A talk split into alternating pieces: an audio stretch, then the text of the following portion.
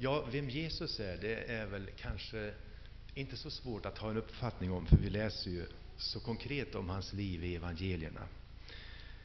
Och vem Gudfadern är kanske man också kan tänka sig lite lättare.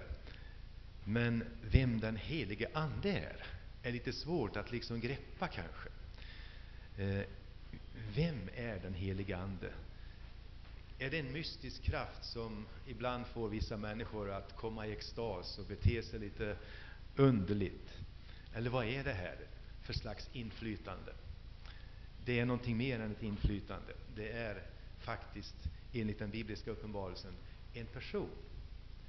Och Det här är ju svårt för oss att förstå, eftersom treenigheten är ett av de svåraste begreppen för den mänskliga hjärnan att, att fatta. Och här behöver vi verkligen den heliga Andes hjälp.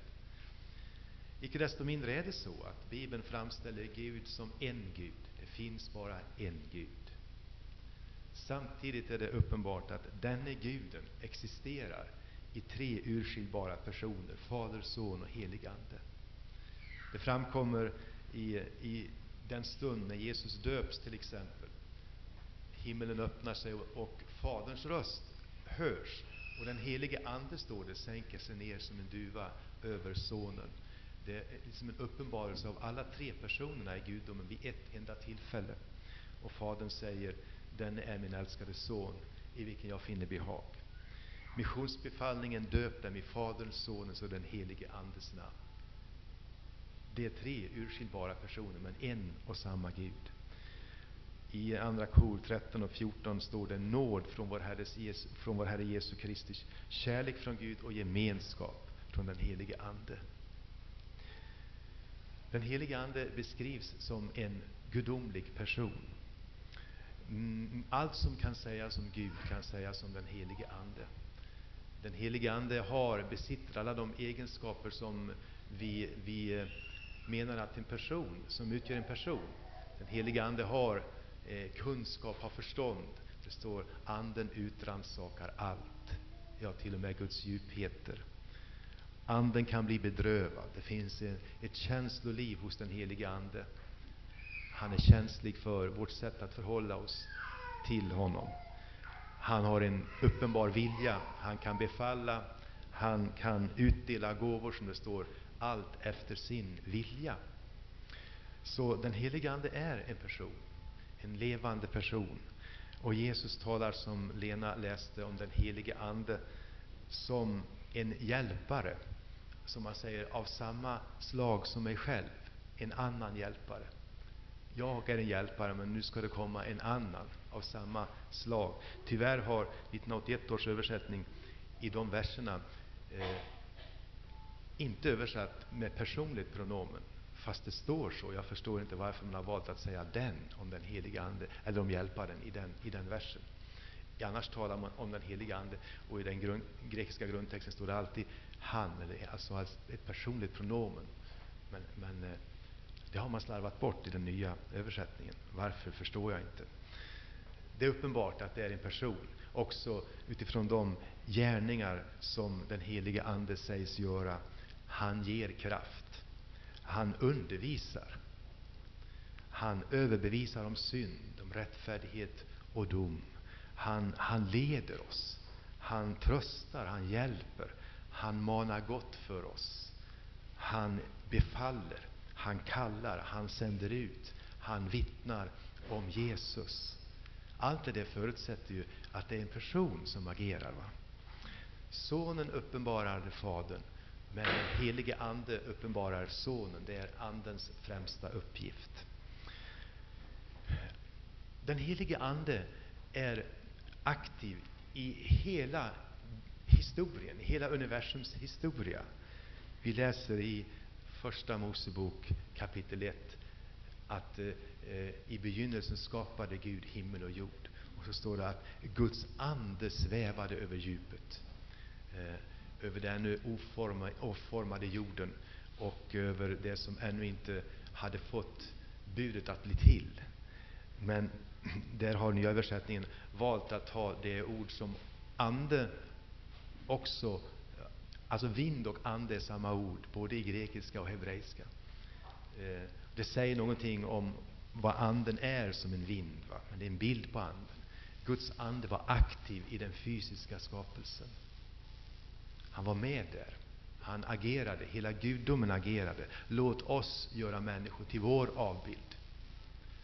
Det är Guds majestät, det är Guds treenighet.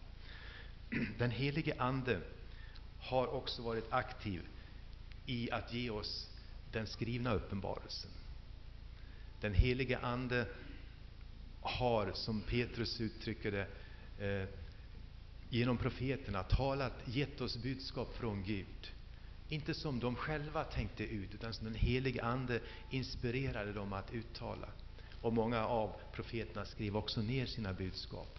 Och i den processen var den helige Ande aktiv, så att det vi har, som vi kallar Bibeln idag, Gamla och Nya testamentets skrifter, är Guds ord.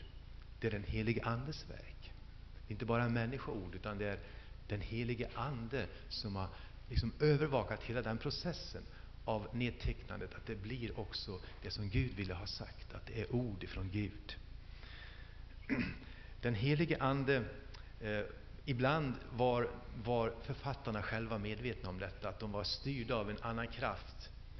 Eh, David säger, Herrens ande har talat genom mig. Hans ord är på min tunga. Och Jesus utlovade, kan vi säga, det nya testamentets eh, uppenbarelse. När han säger till lärjungarna, ni kan nu inte ta emot allt vad jag har att säga er. Och ni kan egentligen inte komma ihåg vad jag har sagt er heller. Men när Hjälparen, den helige Ande, kommer, sanningens ande, då ska han lära er allt och påminna er om allt det jag har talat till er. Och vi förundras ibland över att hur kunde de komma ihåg allt vad Jesus sa och verkligen skriva ner det många år senare? Var inte det en omöjlighet? Om man försöker förklara det med, med hjälp av en muntlig tradition, som givetvis fanns där mycket starkt. Men vi har också det här gudomliga inflytandet, att den helige Ande påminde lärjungarna om allt vad Jesus hade undervisat dem om. Och som Jesus säger, han ska också visa er på saker som inte jag har sagt eh, fullt ut, Eh, om saker som skall hända i tidernas avslutning. Uppenbarelseboken till exempel. Så vi tror att Kristus genom de här orden utlovade Nya testamentets eh, inspiration och tillblivelse. Där var den heliga Ande aktiv alltså. Den heliga Ande var aktiv i Jesu människoblivande. Det vet vi. Maria sa, hur ska det kunna ske att jag ska bli med barn? Jag, jag är visserligen förlovad, men jag lever inte med någon man. Och Gud genom ängeln säger, helig Ande ska komma över dig. Den Högstes kraft ska vila över dig. Därför ska barnet kallas heligt och Guds son. Den helige Ande var aktiv i, Jesu, i inkarnationen, alltså, i Jesu människoblivande. Den helige Ande var sedan aktiv i Jesu liv, sänkte sig ner över honom, som jag redan har refererar till, i, i formen av en duva. Ledde honom senare ut i öknen för att utstå de här frestelserna. Utförde genom Jesus under, uppenbara under i den heliga Andes kraft. Och när Israels ledare menade att dessa under var utförda i Belsebuls, djävulens kraft, så säger Jesus, detta är en synd som inte kan förlåtas, att kalla den helige Ande för djävulens ande. Den helige Ande var aktiv i Jesu uppståndelse. Livets ande vederkvickte honom från dödens grav.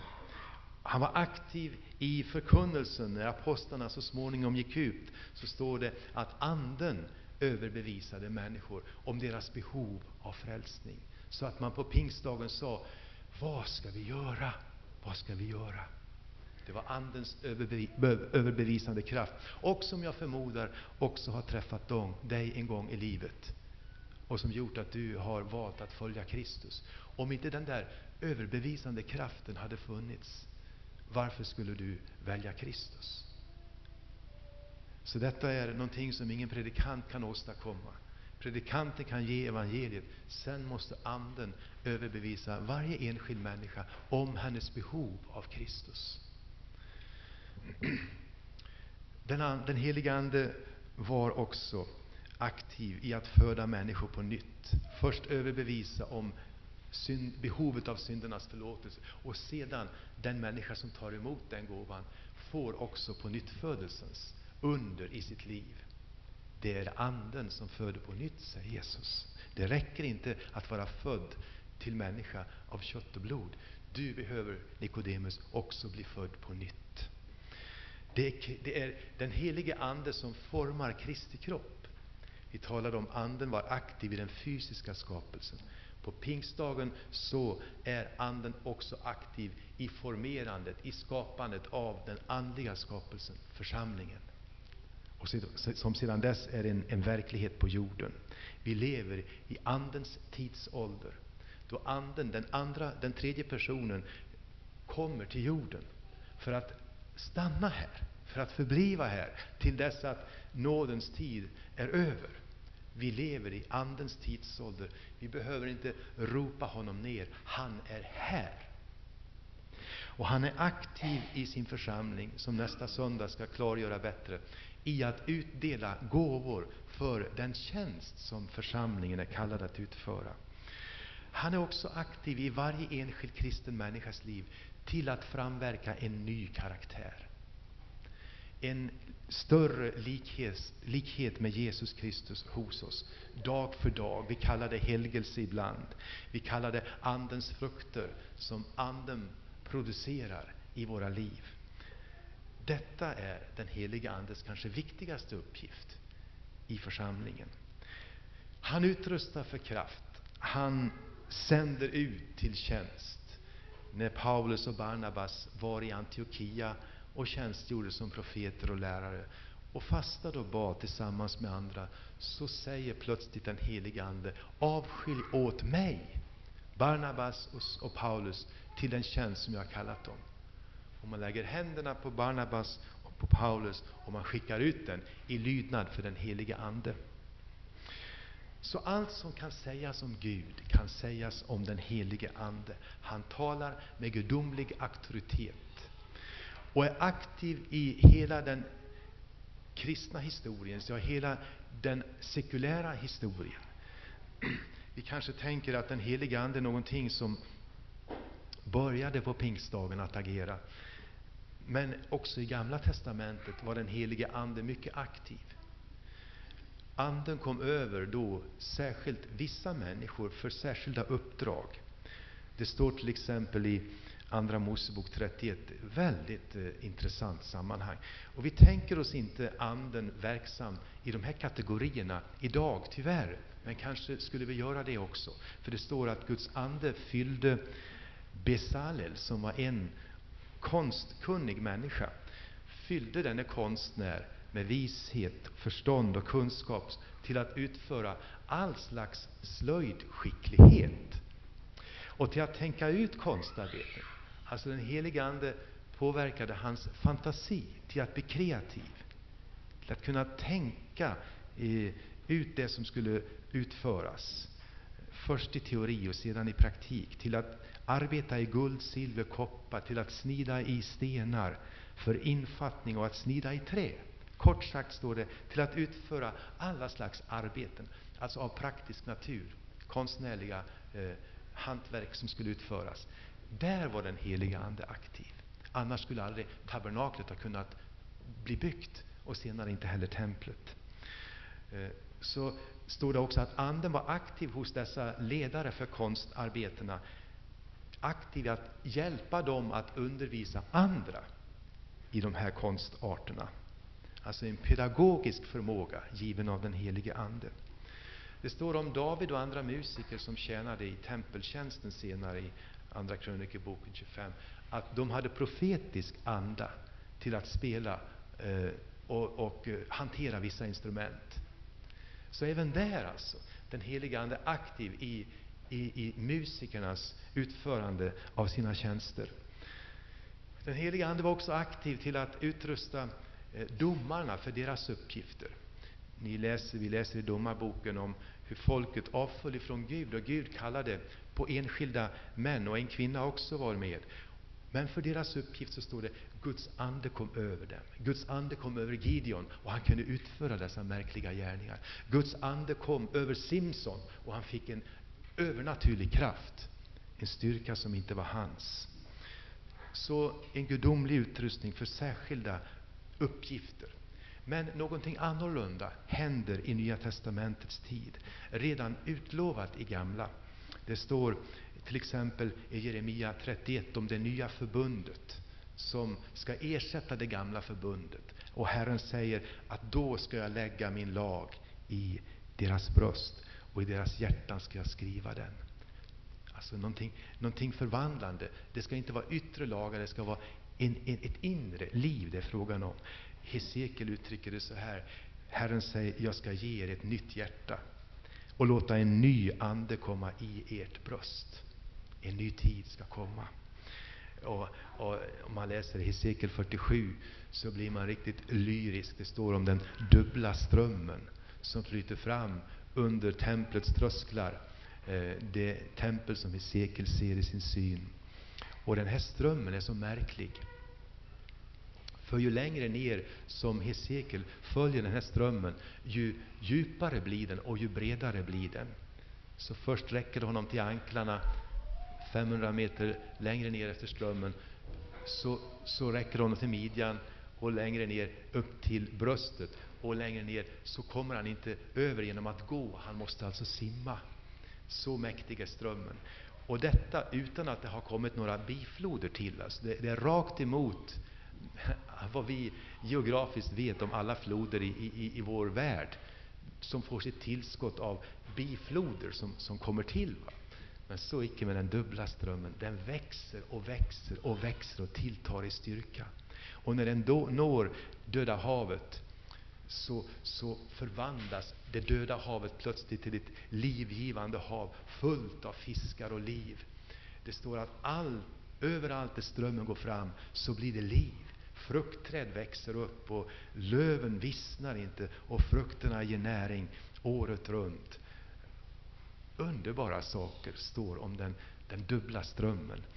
Och vi vet ju, vi anar ju, vi som lever i, i Andens tidsålder, vad Hesekiel egentligen såg där på 500-talet före Kristus. Det vi har fått uppleva.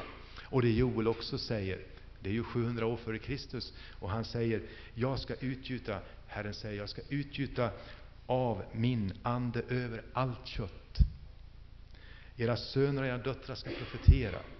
Era gamla män ska ha drömmar. Era ynglingar ska se syner. Vilken märklig, vilka märkliga profetior. Och århundrade lades till århundrade. Och så, så kommer Guds son in i världen och så säger han, dröj kvar i Jerusalem till dess att löftet från Fadern fullbordas. Och han säger till den samaritiska kvinnan, om du, dryck, om du dricker av det vatten som jag ger, ska du aldrig mer bli törstig.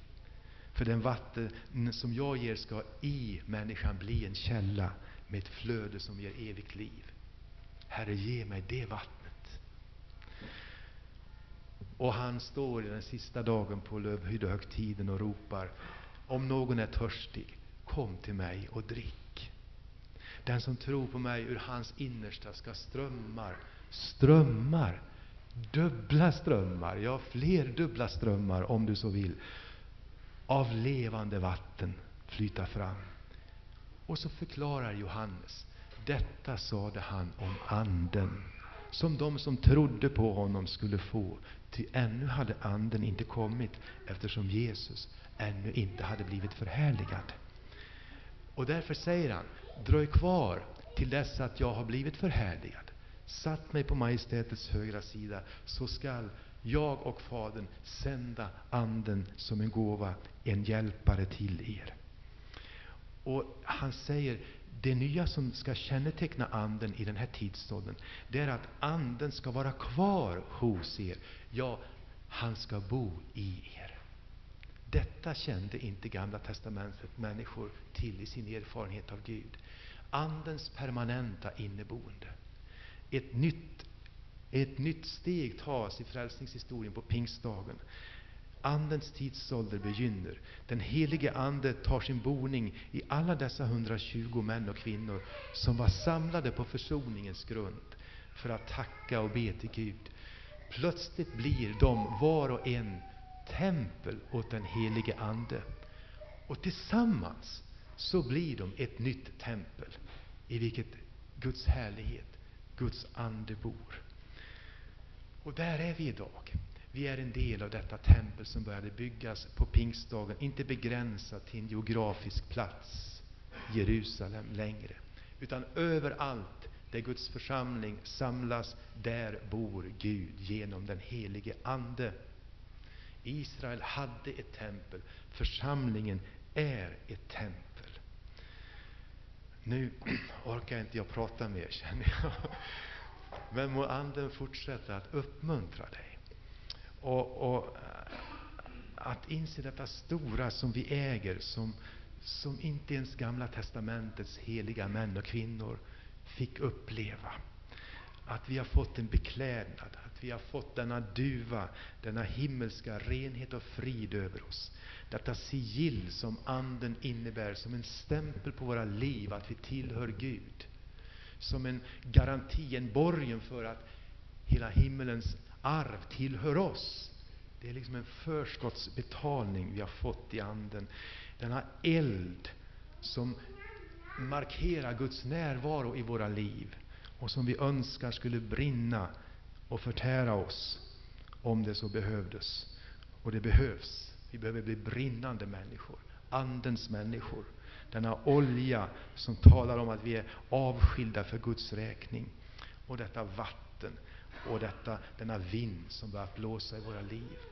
Må Andens vind få blåsa genom vår församling denna pingsttid som vi nu går in i. Vi längtar efter detta, som Thomas uttryckte det. En, en sund och en riktig längtan efter människor som blivit kallade av Gud att tjäna honom. Vi behöver den helige Ande. Och han är här, och han bor i oss. Och han längtar efter att få fylla oss mer och mer. Det är inte att vi behöver mer av Anden, utan Anden vill ha mer av oss, skulle man kunna uttrycka det. Uppfylla oss med sin kraft. Låt oss bedja. Tack gode Gud för den helige Andes gåva.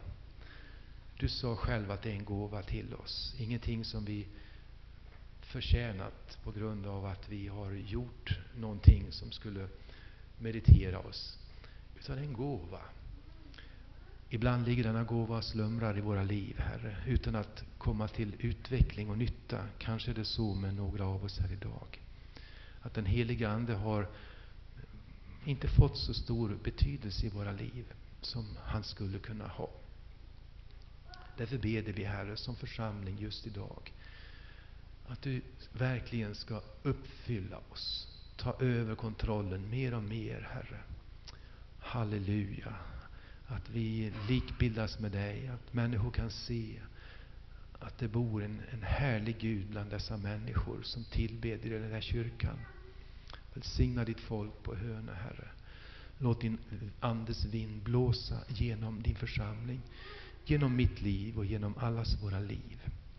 Vi längtar efter detta, Herre. Vi längtar efter detta. Låt det bli sant, o Herre, vi beder. Amen.